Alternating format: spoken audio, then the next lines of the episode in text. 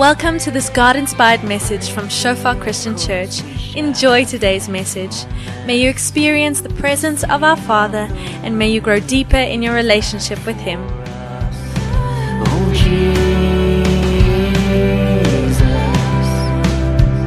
your love oh, over Welkom aan almal hier vir oggend. Dis 'n lekker rustige oggend, soos wat Jerry my ook sien ver oggend daar agter. Vra hy vir my wie preek ver oggend want ek lyk vir hom te rustig sê hy. Sê ek ek dink so in die middel van die vakansie moet ons maar 'n refleksiediens hou. Dan kan ons almal net so vir die dak sit en kyk terwyl ons dink aan sekere goeters diep en ernstig.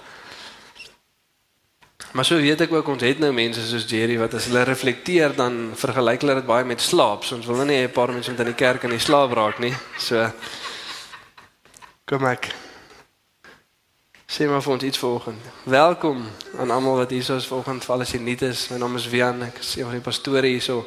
Dit is my voorreg om vanoggend hier te kan wees en die woord van God met julle te kan deel. Ons gaan aan met ons reeks in Kolossense En om vir ons vinnig te recap. Nou ek weet baie mense raak so half angstig hoe langer hierdie reeks aangaan, hoe langer word die recap. Ons is nou al deur 'n hoofstuk, jy weet laas keer het die recap amper 10 minute gevat. Hierso hoofstuk 4. Dan gaan ons omtrent twee preke sit net om vinnig die recap te hoor. En dan gaan ons begin met die ding. Maar gelukkig is dit vakansie. Dis nou nie asof ons iewers het om te wees vanaand. Of hoe hoe sal ons sê? Gerrit, welkom terug. Ehm um, so om vinnig te probeer recap vanoggend. Ons het gepraat in deel 1 na die evangelie, na wat dit kom doen as ons die regte evangelie regtig verstaan. En ons het gesien dat Paulus skryf hierdie mense dat as ons die regte evangelie regtig verstaan, dan produseer dit in ons geloof, hoop en liefde en dit hou aan dit doen. Dis soos al 'n siklus van genade. Soos wat ons God meer leer ken, belyn ons lewe meer met sy woord en soos wat ons meer gehoorsaam is, leer ons God meer ken. En so hou hierdie siklus aan en aan en aan en dit produseer meer geloof, meer hoop, meer liefde vir God se mense. En ons het ook gesien 'n kern belangrikheid vir ons om die woord van God nie net te hoor nie, maar ook te verstaan is om getrou te wees tot God se woord, maar afhanklik van die Gees. Die Heilige Gees is deur wat God se woord aan ons kom openbaar. En Paulus sê ons bid van die dag dat ons van julle gehoor het, hou ons aan vir julle bid dat julle met die volle kennis van God se wil gevul mag word met geestelike wysheid en geestelike insig. Dis die wysheid en insig wat die Gees gee. En as ons dit verstaan, dan lewe ons 'n lewe waardig die Here. Ons lewe soos wat hy van ons verwag om te lewe. Baie belangrik. Getrou tot die woord, afhanklik van die Gees. En soos wat ons die woord meer leer ken, beter leer verstaan, so groei ons in geloof, hoop en liefde. En om dan die vraag te gevra het, is ons mense wat geken is vir daai drie goed? Geloof, hoop en liefde. Lyk ons hoopvol? Lyk ons liefdevol? Is ons vol geloof? En ook dan soos wat ons nou groei in Christendom, soos ons volwasse raak, dan kom dankbaarheid in. Soos ons met blydskap en vreugde en dankbaarheid die Here dien. Of is ons besig om krities en bitter te raak? Want die evangelie kom produseer daai. Hoekom? Want ons het geskuif van die koninkryk van duisternis na die koninkryk van lig.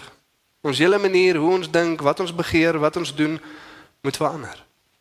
Sodat ons oorskuif. En toe het Maria vir ons kom preek oor die wonderlike waarheid van wie Jesus is. Die een wat voor alles, in alles, deur alles is, die een wie als en almal gemaak het en vir wie als en almal gemaak is. Dit gee vir ons betekenis in lewe. Voordat ons enigiets doen, God het ons gemaak. En ook dan hang dit nie af wat se taak God vir ons gee nie. Dit het betekenis want God is die een wat die taak gee. Dit hoef nie oulik te lyk in die oë van die wêreld nie. Soos Adam in die tuin, hy's 'n tuinier, maar hy's gelukkig hoekom want God gee die werk. Dis wat dit betekenis gee. En laasweek het ons gekyk na Christus in ons, die hoop op die heerlikheid. Wat dit beteken dat as ons Christus in ons het, Jesus woonagtig in ons deur die Gees, kan ons weet een ons is gered, ons geloof is standvastig want Jesus homself het dit vir ons gedoen. Tweedens weet ons dat hy nou in ons is en vir ons die krag gee om te doen wat hy ons roep om te doen. En derdens weet ons dat dit die versekering is dat hy gaan terugkom vir ons om ons eendag hemel toe te vat. Hoe seker ons verlossing En soos wat ons dit sien in dankbaarheid, dien ons dan God hoe? Deur sy mense te dien, Christus in ons, die hoop op die heerlikheid. Daai Christus in ons, daai woordjie ons is nie meervoud in die Afrikaans. Engels sê Christ in you, daai you is plural. Ons, Christus in ons en so dien ons mekaar. En vanoggend gaan ons aan met hierdie reeks, maar voordat ons begin, kom ek bid vir ons en dan spring ons in. Ja Here, dankie vir u goedheid. Dankie vir u guns, Here. Dankie vir u teenwoordigheid. Dankie vir u woord. En dankie Here vanoggend Vader, kom bid ek vir 'n las Here om eerstens van skouers af te val, Vader, sodat ons kyk na die waarheid van die skrif. Sodat ons sien Here wie Jesus is, wat hy kom doen het, Here, en hoe hy nog steeds nou in ons werk. En dankie Vader vir perspektief om ook te skuif, Here. Nie net van wie U is nie, Here, maar in lig van dit wie ons is. Hoe nodig ons U het, Here. Maar terselfdertyd, Here, hoe nodig ons het, Here, soos U betrokke in ons lewens. U gee vir ons wat ons nodig het, Here, om te doen wat U ons geroep het om te doen. Vir dit kom sê ons vir U dankie. Dankie Jesus vir wie U is. Dankie Vader vir U perfekte wil. Dankie Heilige Gees vir U teenwoordigheid. In Jesus naam. Amen. So vir oggend se titel volwasse in Christus. Volwasse in Christus en ons gaan aan, ons kyk na Kolossense 1 van vers 28 tot hoofstuk 2 vers 7.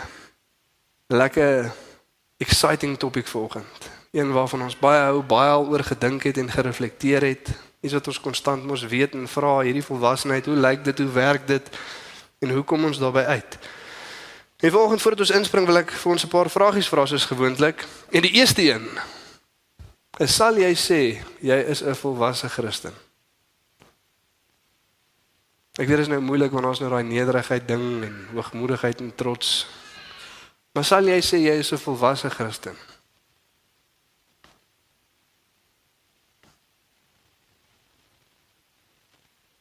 Daar wys dit regtig antwoord. Antwoord die vraag vir jouself: Is ek 'n volwasse Christen? Ja of nee?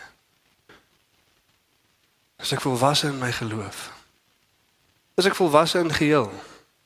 So baie snaaks is as ons volwasse geestelik is, maar andersins nie so nie. Hoekom wat die evangelie kom verander alles in ons? Dis nie die aparte dele sekulêre lewe en Jesus se heilige lewe. Ek sou al volwasse op maandag, ag op sonderdag en woensdag die res van die week lyk ek bietjie snaaks. Kan nie waar wees nie. Is ons volwasse? Maar die tweede vraag gebaseer op jou antwoord of jy het geantwoord ja of jy het geantwoord nee, hoekom? Waarop baseer jy dit?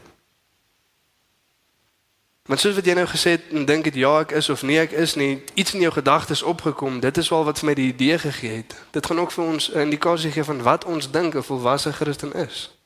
Hoe lyk so iemand? Hoekom? Een van die groot foute wat ons maak in ons westerse wêreld is ons koppel dit aan kennis. Ek is nogal slim, so ek seker alright. Dis nie hoe dit werk nie. Ja, kennis speel 'n rol en ons moet groei in dit, maar dis nie die begin en einde van Christelike volwassenheid nie. Inteendeel. Partykeer sê die skrif as ons net kennis het, dan maak dit ons hoogmoedig. En ons is die teenoorgestelde van volwasse. Net baie slim babas. Weet net of julle die storie gekyk het Baby Genius toe ons klein was nie. So 'n bietjie Baby Genius. Maar hoekom sê ons dit? Of dalk om die vraag anders te vra as ons osself sal vir die prentjie uithaal want dit is baie keer moeilik as ons na onsself kyk, maar wat is 'n volwasse Christen? Wie is 'n volwasse Christen? As jy aan iemand kan dink. Jy moet 'n voorbeeld gee van 'n Christen wat volwasse is. Wie is dit en hoekom sê jy so? Wat van daardie persoon staan uit?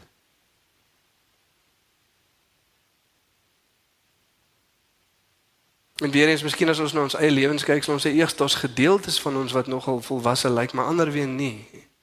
En ek voel ek kry sekere goed reg, maar ander sukkel ek weer mee. En waar waarin watse areas jy sê as jy nog volwasse en waar sal jy sê kort jy bietjie groei?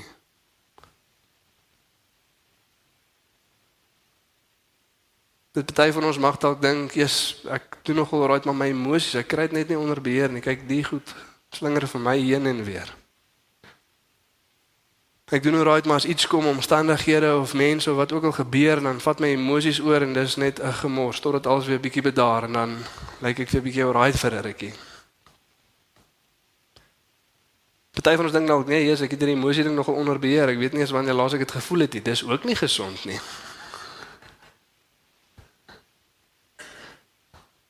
Kry ons twee tipe mense, mense wat die gesprek begin ek voel, soos wat ons gesels nie, ander een ek dink. Is jy ek dink of ek voel? Maar is nogal interessant en iets om aan te dink. Want ons meet goed in alle areas van lewe. As ons soos die Christendom word gemeet in hierdie resies, hierdie geveg wat ons moet veg, hierdie wedloop wat ons hardloop. En in ander areas van lewe as ons halfe indikasie wil hê of ons goed is in hierdie area of nie, dan weet ons waantoe ons veronderstel is om te werk. Maar in Christendom dan sê ons baie keer ons wil graag groei. Maar dan bedrieg ons onsself ook so 'n bietjie want die Bybel sê ons moet wil groei. So ons moet dit ten minste sê, nee, ons sit nou in die kerk. Maar as ons regtig wil, dan het ons ten minste 'n min of meer iewers waantoe ons werk. 'n Plan hoe ons daar gaan uitkom. 'n Idee van hoe dit lyk. As jy oefen vir die komrades dan hardloop jy net maar vreemd rond en weet jy reg hoe ver dit die dag gaan wees as jy daar opdaag of hoe vinnig die mense min of meer hardloop nie. Nou pietjie maar net daar en hoop, "Jesus, kom ons doen hierdie ding." Nee, jy het 'n indikasie van wat jy veronderstel is om te doen. Of as jy leer of as jy 'n toets skryf, weet jy, okay, die inhoud van hierdie boek en die eksterne leesmateriale wat ek nou saam met dit gekry het, ek moet dit verstaan as ek wil die toets slaag. Dis wat nodig is. Dis hoe dit lyk. Om hierdie ding onder die knie te kry. Maar weer eens in Christendom dan weet ons baie keer baie keer nie wat is volwasse Christendom nie en ons weet ook nie hoe kom 'n mens daarby uit nie. Maar ons wil nog steeds graag groei sê ons. Dit is 'n bietjie vreemd. Maar ons wil weet hoe lyk dit en ook hoe kom ons daarby uit? Hoe raak ons volwasse in ons Christendom? Hoe lyk dit? So kom ons lees lekker saam en ons kyk na twee goed hoofsaaklik en dis karakter en bediening.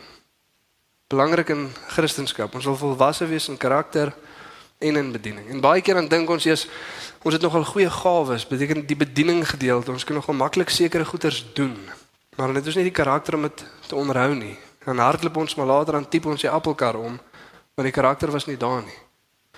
Partykeer sê ons ons het die karakter, maar ons doen nie die bediening nie en dis ook misleidend. En karakter sal ons altyd lei om te bedien. 'n Liefde vir God en mense lei ons na aksie. Amen. So kom ons lees lekker deur En kyk wat ons kan leer. Kolossense 1 van vers 28 tot by hoofstuk 2 vers 7. Hom verkondig ons, dis Jesus Christus in ons, was die vorige vers gewees. Terwyl ons elke mens vermaan en elke mens in alle wysheid onderrig, sodat ons elke mens voor God kan stel as volwasse in Christus. Daarvoor span ek my ook in terwyl ek die worstelstryd voer in ooreenstemming met sy krag wat met mag in my werk. Ek wil hê julle moet weet hoe groot 'n stryd ek het vir julle, vir diegene in Laodicea en vir diegene wat my nog nie van aangesig tot aangesig gesien het nie. Dit is my doel dat hulle harte deur liefde saamgebind bemoedig mag word en dat hulle kan kom tot die volle rykdom van allesomvattende insig. Ja, tot die kennis van die misterie van God, naamlik Christus. En wie al die skatte van wysheid en kennis verborge is. Dit sê ek sodat niemand julle met slinkse argumente om die bos sal lei nie. Al is ek wel nie liggaamlik teenwoordig nie, is ek in die gees by julle en baie bly om te sien hoe ordelik julle optree en hoe vas julle geloof in Christus is. Soos julle dan Christus Jesus die Here aangeneem het, wandel so in hom. In hom is julle gewortel en in hom word julle opgebou en versterk in die geloof, soos julle geleer is, terwyl julle oorvloedig is in dankbaarheid baie mooi stuk skrif, baie ryk stuk skrif. Ek kom nou agter soos wat ek dit sê, ek sê dit elke keer nadat ek die stuk skrif gelees het. En ek dink nie ons gaan eendag by 'n stuk skrif kom wat ek so half dink, ag, dis nou maar weet een van daai, is nie so oulike stuk skrif net sê nie regtig veel nie, maar kom ons kyk maar nou in elk geval daarna. Maar dis waar. Dit is mooi. Dit is vol wysheid. So kom ons gaan lekker deur om vers vir vers en kyk wat ons kan leer. Hoofstuk 1 vers 28 en 29. 'n Paar goed wat ons hierso moet raak sien. Hom verkondig ons. Nou daai woordjie terwyl kan weer kan kan ook deur wees. Hom verkondig ons deur. Dis hoe ons hom verkondig. Dis wat gebeur as ons hom verkondig. Paulus sê ons verklaar wie Jesus is en wat hy gedoen het. Die persoon en werke van Jesus. En soos ons dit doen, gebeur die volgende. Terwyl ons elke mens vermaan, daar's vermaaning, teregwysing. Ons leer mekaar om te doen wat God sê ons wys uit waar ons lewe uit lynheid is met God se woord. Hierdie spesifieke Griekse woord kom een keer nog voor in die uh, in die Nuwe Testament in 1 Tessalonisense. Maar dit skryf van 'n persoon wat nie doen wat die skrif sê nie. Vermaan hom. Is nie besig om te loop in lyn met dit wat God ons roep om te doen nie. Vermaan hom. En elke mens in alle wyse onderrig sodat ons elke mens voor God kan stel as volwasse in Christus. Daarvoor span ek my ook in terwyl ek die worstelstryd voel. Paulus sê hy doen iets, daar's aksie betrokke. Hy moet iets doen. Maar hy doen dit in ooreenstemming met sy krag, God se krag wat met mag in my werk. So ons sien hierdie twee goed. Die eerste ding wat ek wil hê ons moet sien en moet oplet, mag party van ons dalk skok vanoggend, maar is wat? Ons word nie as volwasse Christene gered nie. Ons word nie as volwasse Christene gered nie. Maak nie saak hoe oud jy is nie, maak nie saak hoe er, hoeveel ervaring in lewe jy het nie, maak nie saak wat jy al bereik het, wat jy al gedoen het nie. Ons word nie as volwasse Christene gered nie. Maak sin. Ons kan nie sê ons was nog altyd volwasse nie. Iewers moes 'n groeiproses plaasgevind het. Soos ons gesê die evangelie sê ons het geskuif uit die koninkryk van duisternis na die koninkryk van lig.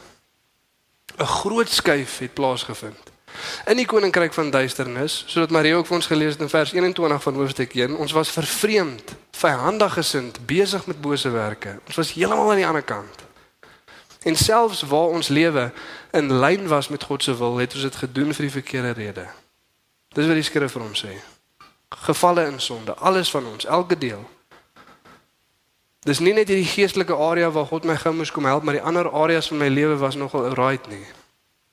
Nee, dis heeltemal oorskuif. Jesus kom en wees Here van elke deel van my lewe. Alles moet verander. Hoe ek dink, hoe ek begeer en hoe ek optree in elke area van lewe. En ons word nie volwasse Christene gered nie. So wat gebeur? Wat kort om ons te groei? Vermaaning en onderrig. Daai twee goed moet gebeur. Dit sal sin maak as iemand elke nou en dan, veral as ons nie gered is, vir ons kom sê, "Hey, dis nie eintlik hoe jy veronderstel is om op te tree nie."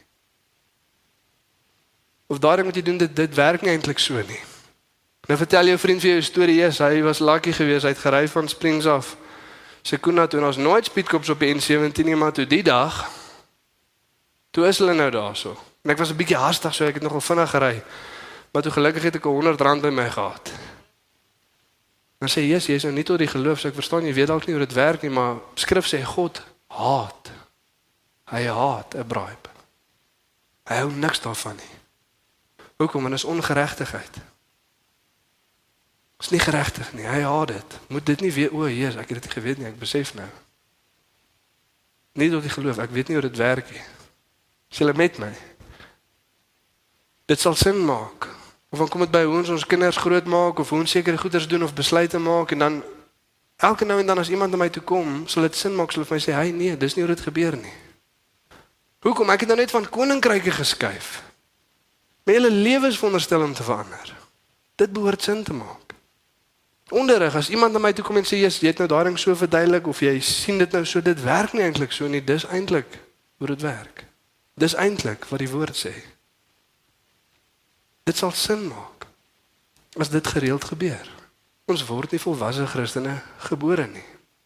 En klaar daar as ons net dit kan besef, as ons net daai skuif kan maak, sal daar klaar soveel meer minder aanstoot wees in die kerk. Kyk want gebeur dit nou, hoe durf hulle ek is mos volwasse? Nee. Dit word as babietjies gered. Soveel keer soos wat jy vir jou kleuter moes nee sê. Soveel keer gaan ons dit dalk vir mekaar moet sê. Nee, nie so nie, so. Nee, moenie dit nie dit. Want ons weet nie, ons besef nie. Ons moet groei in dit. Dit sou nice gewees het as ons heeltemal perfek was en alles heeltemal geweet het. Ons doen nie. So dit is veronderstel om gereeld te gebeur as ons net gered is. Minder hopelik soos wat ons groei, maar nog steeds nie te min want niemand is perfek nie. As ons vanoggend sê ons is perfek en ons weet alles, dan is ons alright. Maar die skrif sê nee, dit gaan nooit gebeur nie tot die dag dat Jesus terugkom. Elke nou en dan gaan daar vermaaning wees, elke nou en dan gaan daar teregwysing wees, elke nou en dan gaan daar onderrig wees. En nou hier's die vraag, wanneer laas het jy dit ervaar? En dit ontvang in 'n goeie manier. Want baie keer het dit gebeur, maar so half in ons kop was hulle verkeerd. Nee man, hulle kan nie vir my kom sê hoe ek hierdie moet doen of dit moet doen. Hulle verstaan nie die konteks nie en wat ook al nie. Of ek eintlik die een wat reg is.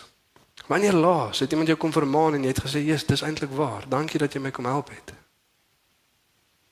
Of iemand vir jou iets verduidelik en jy sê, "Wees, ek het dit eintlik verkeerd verstaan. Dankie dat jy my reg kom verduidelik het." Dis wonderstel om te gebeur.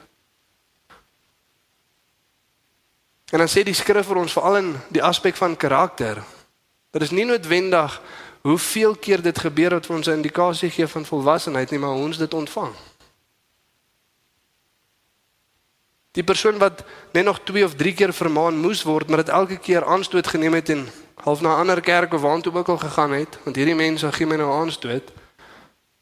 Maar ons 'n paar goed wat uit lynheid is, maar daai paar goed kan hy nie ontvang nie. Dis nie volwasse nie. Die persoon wat elke tweede week aangespreek word, maar elke keer sê Jesus dankie, ek het nie besef nie, ek belyn. Daai is die volwasse persoon. Was een wat 100 verse ken, maar nie een toepas nie. As een wat een ken en hom toepas, wie is meer volwasse? Nie maar die een vers toepas. Dis wonderstel om te gebeur. As dit nie gebeur nie, as ons dit nooit ontvang nie, dan sê die skrif ons is heel moontlik dalk nie eens gered nie. Hoogmoedig, besig met dooie godsdiens. En God is aktief besig om ons te weerstaan. En in ons hoogmoedigheid en in ons dooie godsdiens is ons besig om ongelowiges weg te stoot van God af. Daar's 'n paar mense in die Bybel wat dit goed geïllustreer het. Wie was dit? Die Fariseërs en die skrifgeleerdes. In hulle hoogmoedigheid en dooie godsdiens stoot hulle mense weg van God af. Hulle sit 'n las op mense se skouers wat hulle self nie eens kan dra nie, sê Jesus. Dis nie hoe dit werk nie. En daar waar hulle by ware gelowiges bymekaar kom, bring hulle verdeling. Want hoekom elke keer as hulle vermaan moet word of elke keer as onderrig kom en hulle stem nie staan nie, dan skei hulle. Ja, dan gaan ons maar ons kant toe en julle hele kant toe. En in plaas van om 'n eenheid te bou, bring ons skeiding. Maar is veronderstel om te gebeur. En een wat dit kan vang in nederigheid, is een van die sleutels om te groei in volwassenheid, leerbaarheid.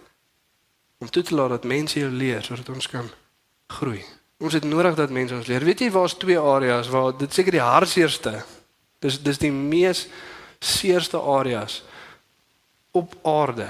As daai goed uitmekaar uitval, ons is die mees onbereidwilligste om daar te leer. Ons huwelik en ons ons kinders grootmaak. En dit is so swaar om te sien. Mense sit met mense om hulle wat kan help. Alles wat God vir jou gee om te kan sukses maak van hierdie lewe sit hier om jou. En al wat ons moet kan doen is om in nederigheid te sê, "Hey, help." Kom help ons, ons verstaan nie ons hierdie ding moet doen nie. Ons ons weet nie lekker hoe werk dit nie. Elke liewe ding in ons lewe het iemand vir ons geleer. Iemand moes jou leer badkamer toe gaan. Jou skoene vasmaak van graad 1 tot matriek, jou werk waar jy is, dit wat jy geswat het, elke sport wat jy gespeel het, elke liewe ding moes iemand jou leer. Jy het nie net ewesklik geweet hoe dit werk nie. Maar as dit kom by die huwelik en by kinders, dan vir een of ander rede is ons soos hierdie net ons ouens. Als anders moes almal my leer, maar ek gaan hierdie een self op my eie probeer. Ek weet nie hoekom doen ons dit nie. Ons weet nie hoe dit werk nie. Ons kort help van die mense om ons dat mense ons kan leer sodat ons dit reg kan doen. Leerbaarheid. Ek onthou ek en Robin sit so 'n bietjie gesukkel met konflik. Nou gaan sien ons vir oom Piet en Aubrey wat hierso was. Hy was my accountability partner as dit kom by gesinslewe. So nou sê hy vir my, "Yes Brown, hoe gaan dit met die gesin en die familie en alles?" Ek sê nee, dit gaan goed. Ons gaan bietjie na oom Piet toe vir berading. Jesus, ou, wat's fout? Wat gaan aan? Skrif sê vir ons berading, iemand wat saam met jou sit en jou help om seker goeders beter te doen, is nodig van die dag wat jy getroud is, want jy het dit nog nooit gedoen nie. Amen. Is julle met my? En dan gaan sien ons van Piet, nou sê hom Piet vir ons, "Jesus, ek dink nie julle het 'n kommunikasieprobleem nie." Daai tyd was Robin die bestuurder van Buildit. Hy sê jy's 'n pastoor en sy's 'n bestuurder. As julle nie kan kommunikeer nie, is daar probleme. Die probleem is hierso. Julle luister nie so lekker nie. Sissies, dankie om Piet, daar gaan dit beter. Hoekom? Ons kon nou nog gesukkel het, nou nog nie lekker geluister het nie. Man leerbaarheid, laat die mense om jou jou help. Hy weet mos nou wat hy doen. Hy het dit al jare lank gedoen. Laat ons mekaar help. Dis onderstel om natuurlik te wees. Amen. Die tweede ding wat ons moet raak sien hierso is dat die teenwoordigheid van God en die krag van die Heilige Gees produseer altyd aksie in ons lewe. Ek meen as ek nou die volgende stelling sê en sê hulle hoor dit klink nie lekker reg nie. Die teenwoordigheid en die krag van God produseer passiwiteit. Klink nie reg nie, nê. Nee. Maar baie keer is dit ons Christelike lewe lyk. Jesus het my kom red. Hy het my kom vrymaak van sonde, maar niks het gebeur nie en my Christendom word opgesom en ek wat sit en luister na iemand anders wat iets doen. Die teenwoordigheid en die krag van God produseer nie passiwiteit nie. Dit produseer aksie. Ek stry sê Paulus, ek voer hierdie stryd in ooreenstemming met die krag wat in my werk. Dit produseer iets. Mens en God word werk saam as dit kom by volwassenheid, as dit kom by geestelike groei. Dis nie 'n passiewe ding nie. Nêrens skets die skrif 'n prentjie van iemand wat gered word en net agteroor sit en mense dra hom in die hemel in nie. Daar was 'n persoon wat gedra was tot by Jesus, maar toe hy Jesus ontmoet, toe staan hy op en toe begin hy self loop. Amen. Dit produseer aksie in ons lewe. En hier moet ons die evangelie reg verstaan. Ons kan die evangelie opsom in in drie maniere. Een is die regte manier. Een van die verkeerde maniere is wat? Geloof plus werke is gelyk aan redding. Dis nie die evangelie nie. Ons kan nie glo en iets doen en dan word ons verlos nie. Dis nie die evangelie nie. Dis 'n wettiese ding. En ons sien dit baie keer in vandag se tyd. En deesdae maak dit al hoe meer en al hoe meer 'n oproer om die mense hierdie half jy weet Jewish roots tipe Christendom. Ons glo in Jesus, my moet nog steeds al die feeste vier en al die regte goeders doen anders kan jy nie gered word nie. Dis geloof plus werke is nie redding nie. Dis nie dit werk nie. Maar dan kry jy nog een wat sê geloof is gelyk aan redding sonder werke. Dis ook nie die evangelie nie. 'n Nuwe lewe vry van sonde met die gees van God in ons gaan iets produseer. Dis weer passiwiteit, lawlessness. Soos of Jesus vir ons as mens kom sê, "Hy, ek het julle gered, gaan maar aan so wat julle aangaan. Ek wil net julle laat weet het." Dit gaan maar net aan, maar ek het julle uitgesort. Dis nie die evangelie nie. Die regte evangelie is geloof is gelyk aan redding plus werke. 'n Geredde persoon doen wat geredde persone doen. Kinders van God doen wat kinders van God doen. Amen. Maar die genade van God produseer iets. Paulus sê ek het harder gewerk as al die ander apostels. Tog nie ek nie, maar die genade van God vir my. Die genade van God produseer iets in ons lewens. En baie keer dan gebruik ons ekstreme gevalle. Daar's twee areas of twee dele van skrif wat ons nie kan gebruik om doktrine te vorm nie. Dis unieke gebeurtenisse en ekstreme voorvalle. Ons kan dit nie gebruik as dit net hierdie een keer gebeur het, soos byvoorbeeld die charismatiese beweging is hou nogal daarvan om dit te doen. Handelinge 2, toe die Gees van God die eerste keer uitgestort was op die kerk, toe praat almal in tale. So as jy die Gees ontvang, moet jy in tale praat. Eerstens nee. Dis 'n unieke gebeurtenis. Die Gees van God kan net vir die eerste keer een keer op die kerk uitgestort word. Tweedens bekende menslike tale. Die mense om hulle daai taal verstaan. Maar vir 'n ander rede. Sodat God weer die nasies na homself toe kan roep. Gaan maak disippels van al die nasies. Unieke gebeurtenisse. Ons kan nie doktrine vorm rondom dit nie. Ekstreme voorvalle, die man op die kruis. Hoeveel keer het ons dit nou al gehoor? Moet jy of moet jy nie gedoop word om in die hemel in te gaan nie? Ja, die ou op die kruis was nie gedoop nie. Ek sê jy het so weird wees om hom gou af te haal en om te doop en weer op te sit. Unieke gebeurtenis, ekstreme voorval, ons kan dit nie gebruik om doktrine te vorm nie. Maar selfs daar wil mense sien, kyk ons hoef niks te doen nie. Ons kan maar net passief wees. Die ou op die kruis het niks gedoen nie. En hy is saam met Jesus in die paradys. Hy Spurgeon sê nee, dis nie waar nie. Hy het nie niks gedoen nie. Daar's een ding wat hy wel gedoen het. En dis vir die ander dief het hy bestraf. En gesê hy moenie so oor hierdie man praat nie want hy is onskuldig. Ons verdien hierdie. So sê hy Spurgeon sê nee, hy het ver van niks gedoen nie. Hy het alles gedoen wat hy kon. Sy hande was vas, sy voete was vas, maar hy kon sy mond gebruik. Hy het alles gedoen wat hy kon vir sy Here. En mag dieselfde van ons gesê word. Is dit nie mooi nie? Maar die genade van God sal altyd iets produseer. Dit lei nooit na passiwiteit toe nie. Ons werk saam in hierdie proses. Vir mense alleen is dit onmoontlik om te dank aan Christus in ons. Is dit moontlik? Die krag wat hy in ons werk. Ons het direk teruggekyk na Rigter 6, die storie van Gideon.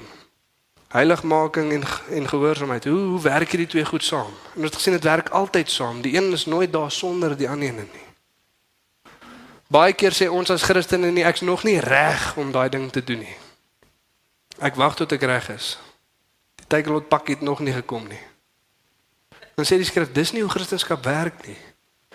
Jy kan nie sit en wag om gereed te word nie. Soos wat jy gehoorsaam is, so gaan jy groei. Die twee gaan altyd hand aan hand. Daar's geen groei sonder gehoorsaamheid en gehoorsaamheid lei altyd tot groei. Saam gebeur dit. Jesus sê nie sit hier en wag totdat jy genoeg moed bymekaar geskryf het en vir een of ander rede spontaan geestelik groei en dan begin jy my volg nie. Hy sê volg my en ek sal jou maak. Volg my en ek vorm jou. Maar jy gaan moet begin loop. Jy gaan iets moet begin doen. Jy gaan 'n tree moet begin gee. Dis soos ons volg, soos wat God vorm. Dit werk saam. Amen. En ons gaan nou sien wat Paulus skryf hier sodat altyd van hierdie is waar ons moet vermaaning ontvang en onderrig ontvang, maar ons moet dit ook gee om te groei. Die een gee indikasie van karakter, die ander een van bediening karakter vorm sodat ek vermaaning en onderrig kan ontvang in nederigheid en leerbaarheid. Maar bediening is om vermaaning en onderrig te gee. En so groei ons. Kyk Paulus sê nou dieselfde ding net andersom in vers 1 en 2. Ek wil hê julle moet weet hoe groot 'n stryd ek het vir julle. Hy het nou net gesê ons werk is om almal volwasse in Christus voor te stel en ek stry daai stryd met al die krag wat in my werk. Nou sê hy weer ek wil weet Ek wil hê julle moet weet hoe groot 'n stryd ek vir julle het. Vir diegene in Laodicea en vir diegene wat my nog nie aangesig tot aangesig gesien het nie. Dit is my doel. Hier gaan hy nou weer sê, wat is volwasse in Christus? Ek wil almal volwasse in Christus sê, dis hoekom ek werk met al sy krag. Ek stry vir julle vir hierdie doel. Hierdie is volwassenheid in Christus. Dis wat hy nou hier gaan opsom. Dis my doel dat hulle harte deur liefde saamgebind bemoedig mag word en dat hulle kan kom tot die volle rykdom van allesomvattende insig, ja, tot die kennis van die misterie van God, naamlik Christus. En weer eens daai en dat is meer 'n deur. Hierdie gebeur saam met mekaar. Die feit dat ons saam gebind word in liefde en dat ons saam bemoedig word, dit lei na daai kennis toe. Want hierdie liefde wat ons vir mekaar het, is ons wat mekaar vermaan en ons wat mekaar onderrig. Dit is wat liefde doen. En weer eens moet ons besef, dit vat mense vir hierdie om te gebeur. Want ons moet ontvang vir mense en ons moet gee vir mense vir ons om volwasse Christene te wees. Dis hoekom ons kerk het. Dis hoekom ons selgroepe het. Selgroepe is nie ons wat al gedink het, ag Jesus, weet jy die mense weet seker nie wat om te doen in die week nie. Ons moet seker maar dan ook by mekaar kom. Nee. Die skrif gee vir ons die voorbeeld. In die Nuwe Testament lees ons hulle het in die tempel en van huis tot huis bymekaar gekom. In Salomo se gang toe hy die tempel uitgesit was, het hulle bymekaar gekom en van huis tot huis. Dan sê baie mense nee, mens moet net kerke en die tempel, groot gebou, groot mense wat groot mense wat saamkom, nie van huis tot huis nie. Dan sê die ander mense nee, mens moet eintlik 'n huiskerk hê want dis wat ons sien in die Nuwe Testament. Altwee. Saam as 'n groot groep, saam as 'n klein groep. Dis hoekom ons self groep het. Ons sien dieselfde in die lewe van Jesus. Daar's die 120, daar's die 70. Daar's die skare waarvoor hy lering gee, maar dan het hy sy 12. Dat hy besig is om 'n pad mee te stap en te disipel. Want hy ook sy 3, Petrus, Johannes en Jakobus. besekere goed gesien het en gesprekke gehoor het wat die ander net nie. Hy kom bid julle drie gou saam. Hy kom julle drie gou saam by die berg op. So het jy 'n accountability groep, het jou selgroep en het jou gemeente. En elkeen is nodig. Hoekom? Want ons kan kom voorgee vir 'n rukkie op 'n Sondag. Dis nie te moeilik nie. Ja, ons kan seker in selgroep ook. Maar meer ons tyd saam met mekaar spandeer, mekaar se familie leer ken, mekaar se jy, kinders leer ken. Kyk, hulle hou nie terug nie. As jy wil weet wat gebeur, dan kyk ons na hulle. Ek het daai eendag in ek en my vrou by mense en ons stap in, jy weet, nou sommer ek weet gospel musiek wat speel in die agtergrond en dis vreemd. En toe op 'n kol, toe sê die dogtertjie, "Hoekom is julle so weird vandag?" Staan hulle hou nie terug nie. Hulle kan sien wat aangaan en wat jy waar doen. Kyk hulle bly kinders van julle is net so half eesou. Ek gaan my kinders naby niemand laat kom nie want Maar so leer ons mekaar ken, so sien ons sekere goeters en dan kan ons mekaar vermaan en ons kan mekaar onderrig. Hoekom? Want ons weet eintlik wat aangaan. Ons ken mekaar. En hoe dieper ons groei in 'n gemeenskap, weer accountability groups nog dieper. Ons sou kan na 'n dieper vermaaning en 'n dieper onderrig kom sodat ons mekaar dieper leer ken. Maar dit is hoekom ons dit doen. Is nie 'n interessante ding sodat ons deur hierdie stuk skrif lees Ons op baie mense dink, "Jesus, ek weet nie waar kom jy nou aan vermaaning en onderrig nie. Hierdie skrif sê liefde." Ons verstaan dat die apostels se werk en die leraars van die kerk, hulle vermaan self en hulle gee onderrig, maar hierdie praat net van die gemeente self en dit sê liefde. Waar kom jy aan vermaaning? Waar kom jy aan onderrig? Want jy sien die interessante ding as ons in ons konteks en kultuur aan liefde dink, dan kom daai twee woorde nie by ons op nie. Want dis nie wat die kultuur vir ons leer liefde is nie. Die kultuur leer vir ons dat liefde is 'n emosie wat iets in ons kweek wat verdraagsaamheid veroorsaak en ons aanvaar net alles en almal sonder om enigiets te bevraagteken. Dis nie liefde nie. Verdraagsaamheid is nie 'n vrug van die gees nie. Tolerance. To tolerate everything and everyone. Dis nie 'n vrug van die gees nie. Ek weet nie of julle dit weet nie. Sê om veronderstel om so te lewe nie. En ons sien dit in vandag se kultuur en, en tyd. Ons moet almal en almal se idees en almal se persepsies net verdra. En jy kan enigiets glo en enigiets sê solank dit net nie Christelik is nie. Sê hulle met my. Sê dink doen en voel net jy wil, maar net nie Christelik wees nie. Dis 'n bietjie vreemd. Maar verdraagsaamheid is liefde nie. Liefde is nie emosie nie. Liefde is 'n toewyding tot die welfaart van God se mense. Dis wat liefde doen commitment, 'n toewyding om te sien dat hierdie mense geestelik, emosioneel en fisies is wat hulle veronderstel is om te wees. Eerstens vir God se mense, tweedens ook vir ongelowiges. Dis wat liefde doen. En kom ons besef gou dit vanoggend. Die twee mees liefdevolste goed volgens hierdie stuk skrif wat die mense om jou vir jou kan doen, is om jou te regte wys en jou te onderrig. Die mees liefdevolste ding wat iemand vir jou kan doen is sê, "Hey, daai area van jou lewe is uitlynheid." Die mees liefdevolste ding wat iemand vir jou kan doen. Wil jy jou kinders lief hê? Wil jy jou vrou lief hê? Vermaan en gee onderrig. Hierdie stuk skrif praat in hoofstuk 3 met die paas. Ons sê dit do not provoke your children to anger lest they become discouraged. In Efesiërs kleer die prentjie meer vol in. Fathers do not provoke your children to anger but bring them up in the discipline and instruction of the Lord vermaan en gee onderrig. Dis wat liefde doen. Dis wat liefde doen. Die beste ding wat ons vir mekaar kan doen is om mekaar te vermaan en te onderrig wie Jesus is en wat hy vir ons kom doen het en om seker te maak ons lewe belyn met dit. Amen. Kyk jy sê Paulus dieselfde ding in Kolossense 3 vers 16 met later aan. Hierdie is 'n kerk wat verstaan wie Jesus is, verstaan wat Jesus gedoen het en dan dis die uitvloei daarvan. Laat die woord van Christus ryklik in julle woon in alle wysheid. Leer en vermaan mekaar met psalms en lofsange en geestelike liedere en sing in julle harte met dankbaarheid tot eer van die Here. Is dit nie mooi nie? Is dit nie 'n mooi stuk skrif nie? 'n Kerk wat is wat dit veronderstel is om te wees. En weer eens 'n volwasse kerk is nie een waar daar nie vermaaning is nie, maar wat in nederigheid vermaaning ontvang. Dis volwassenheid. En dan wat sê die vers net bo hierdie vers? En bo alles beklee julle self met die liefde wat alles in perfekte eenheid saambind. Dis liefde hier wat manifesteer. En ja, mense het en ja, mense gaan dit verkeerd kry. Die regte ding op die verkeerde manier doen of uit die verkeerde plek uit. Maar mag ons wat volwasse is, dit ervaar en sien en ontvang as liefde. Amen. 'n Nederigheid ontvang as mense ons vermaan en as mense ons onderrig gee. En weer eens wat ek gesê, dis nie net dit ontvang nie, die ontvang gedeelte gaan vir ons 'n groot indikasie gee van ons karakter, maar ook die bediening om ook dit te gee vir die mense om ons.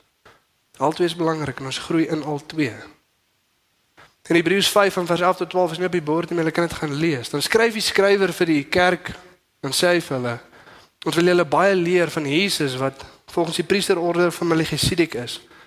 Maar dit is vir ons moeilik om te sê want julle is traag om te hoor. Want van wie die tyd is julle al veronderstel om onderrig te kan gee in die geloof. Maar julle het weer nodig dat iemand julle die basiese beginsels van die woord van God leer. Julle kort melk, nie vaste kos nie. Julle is babietjies in die geloof. Hoekom? Want julle moes al onderrig kon gee in die geloof, maar julle kan nog steeds nie. Om vermaaning en onderrig te ontvang en vermaaning en onderrig te kan gee. Dis volwasse Christendom. En dis hoe ons groei. En ek sien nog nie lank in die bediening nie, maar selfs in my kort tyd in die bediening het ek die volgende al gesien dat mense hierdie stap miskyk. En dan kom mense in die kerk in en doen al die seminare en al die encounters en die Bybelskool en alles en dan op 'n kol en sê hulle, "Jesus, ons voel bietjie frustreerd. Ons groei nie meer nie. Ons kry nie meer kos nie." Ons moet iets anders hê, 'n mentor of een of ander nuwe ding of 'n kurrikulum of iets. Sê die skrif nee, jy hoef niks nuuts te leer nie. Jy moet nou ander begin leer. Die begeerte is daar, ja, jy moet groei. Ja, jy jy het daai ding in jou wat sê ietsie anders moet nou gebeur, maar dis nie nog inligting nie, dis nou om dit te deel. En dan sien ons mense gaan van kerk tot kerk en doen al die seminare wat daar is. En dan op 'n kom dan kom hulle by iets anders as Jesus uit. Want as ons nou als geleer het van wie Jesus is en van wat hy gedoen het, dan moet daar seker iets anders wees. En dan is dit nou feeste wat gevier moet word. Ek weet nie wat se snaakse goed als nie. Maar dan beweeg ons weg van Jesus af. Dan moet seker hoër kennis wees. Selfde ding wat hier in Kolossense gebeur het. Nee, dis nie hoër kennis nie, sê Paulus. Maar hy skryf hierso in vers 3 en 4. Ja, tot die kennis van die misterie van God, naamlik Christus, in wie al die skatte van wysheid en kennis verborge is. Dit sê ek sodat niemand julle met slinkse argumente om die bos sal lei nie. Dit bly altyd wie Jesus is en wat Jesus gedoen het. Is nooit iets anders nie. Dis nooit iets ekstra nie. Dit bly dit. Al die wysheid, al die skatte is in hom. Die evangelie is nie die A B en C van Christendom nie, maar die A tot Z. Dit bly dit. Jesus is die begin. Jesus is die middel. Jesus is die einde. Dit bly dit. Maar dan omdat ons nie ander begin leer nie, ons het hierdie begeerte vir groei, dan gaan ons na allerlei snaakse goed doen en dan duik ons in die apogriewe in en ek weet nie wat als nie. As baie mense die Bybel so hard wil lees wat hulle die apogriewe lees, genade dan sal ons almal slim mense hê. Maar weet jy hoekom hulle wil allerlei vreemde goed die hele tyd lees? Dit bly Jesus. En ook die ander sleutel is nie net om onderrig vir ander te gee nie, maar om saam die gemeenskap van gelowiges te wees. Dit gebeur saam. Die in die Engels is daar 'n stelling a means of grace. Ek weet nie hoe om dit mooi te sê in Afrikaans nie. Sekere 'n doel van genade. Maar die gemeenskap van die gelowiges is, is 'n means of grace. Dis 'n manier waarop God vir ons genade gee om nie net te groei in hom nie, maar standvastig te bly in hom. Ek weet nie of julle mense het wat nie aan 'n gemeente behoort nie. Maar hulle sê hulle is Christene. Elke tweede, derde maand het hulle een of ander nuwe lering. Dan sit nou hierdie ding, dan sit nou weer die feeste, dan sit nou weer daai ding. Hoekom? Hulle het nie die gemeenskap van gelowiges om hulle om hulle te vermaan en onderrig te gee. En dit wie Jesus is en dit wat hy vir ons kom doen het nie. Maar elke nou en dan so 'n nuwe ding. Belangrik om by mekaar te wees en dit te ontvang en dit te gee. Maar weer eens, dit het ons nou al 'n paar keer gehoor. Ons weet ons moet disippels maak, ons weet ons moet evangeliseer. Maar vir party van ons is daar geen begeerte om dit te begin doen nie. En vir party van ons het dit ons dit al 'n paar keer geprobeer, maar nooit daarin volhard nie. Elke nou en dan uitgeput, moeg, oorlaai. Hoekom? Want ons doen dit nie soos wat Paulus sê met al die krag wat hy in ons werk nie. Ons wil dit op ons eie doen. En hier lê die sleutel. Vers 6 en 7. Soos julle dan Christus Jesus die Here aangeneem het, wandel so in hom. In hom is julle gewortel en in hom word julle opgebou en versterk in die geloof, soos julle geleer is, terwyl julle oorvloedig is in dankbaarheid. 'n Paar goed wat ons moet sien. Eerstens, ons kan nie in hom wandel as ons hom nooit aangeneem het nie. En party van ons wil stap 1 skiep Ons wil verby redding spring heiligmaking toe. Ons wil lewe soos 'n Christen, maar dit is moeilik want ons het nooit Jesus aangeneem nie. Dis nie geloof plus werke nie. Jou werke gaan jou nie red nie. Ons kan nie deur ons goeie werke vir God wys hoe oulik ons is sodat hy ons liefhet nie.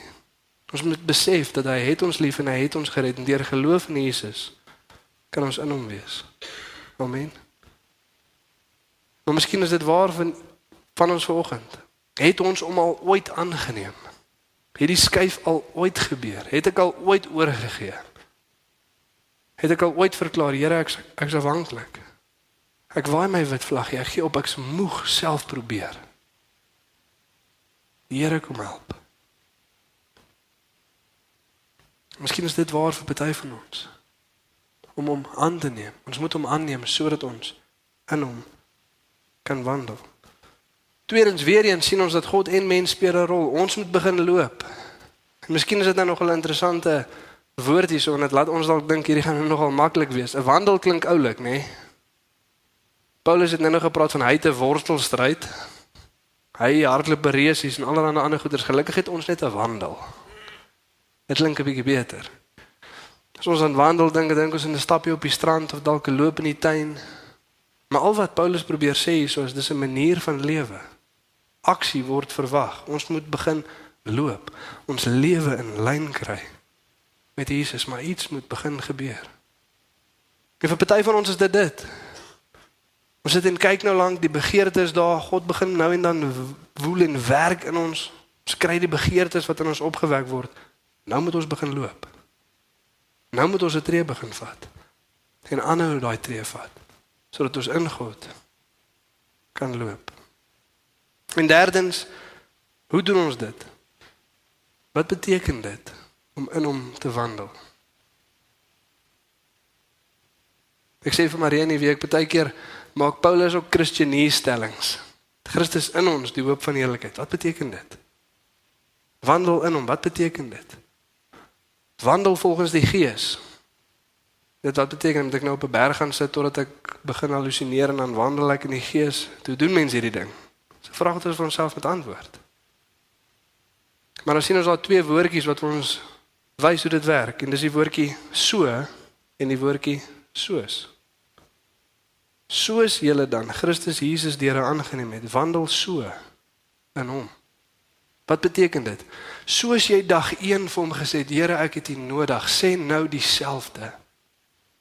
So afhanklik soos wat jy vir hom was die dag toe jy tot bekering gekom het, so afhanklik is jy van hom nou. So mooi en so dit was net om eenvoudig by Jesus te wees toe jy tot bekering gekom het. So is dit veronderstel om te wees. Nou. Maar een of ander tyd dan dink ons nee, ons het dit self. Ons kan dit nou self doen. Ons het nou genoeg geleer en genoeg gegroei. Skrif sê nee. So afhanklik soos wat jy van hom was dag 1. Wees so afhanklik van hom. Nou. So min soos wat jy gedink het jy weet toe. Besef jy weet so min nou. So nodig wat jy vermaaning en onderrig gehad het deur sy woord en deur sy mense, so nodig het jy dit nou.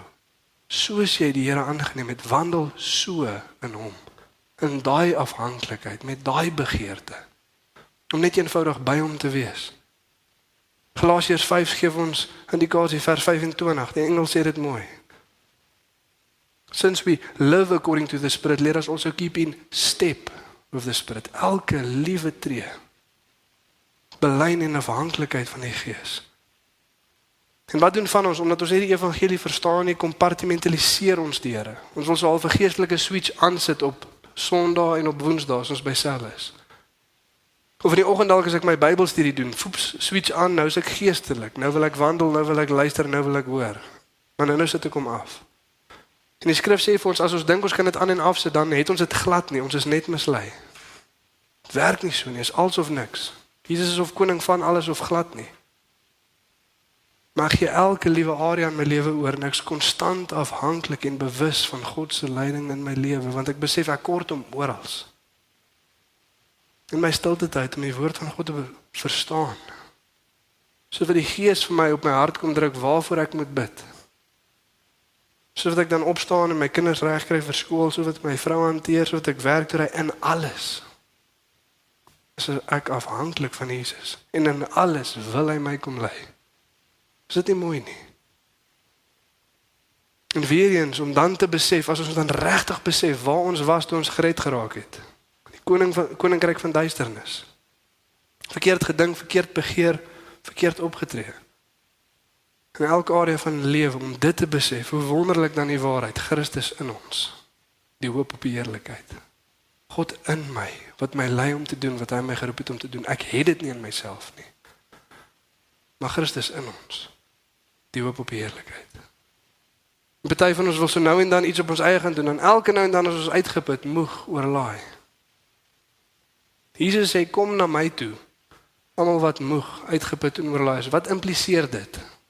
Dat as jy moeg, uitgeput en oorlaai is, is jy nie by Jesus nie.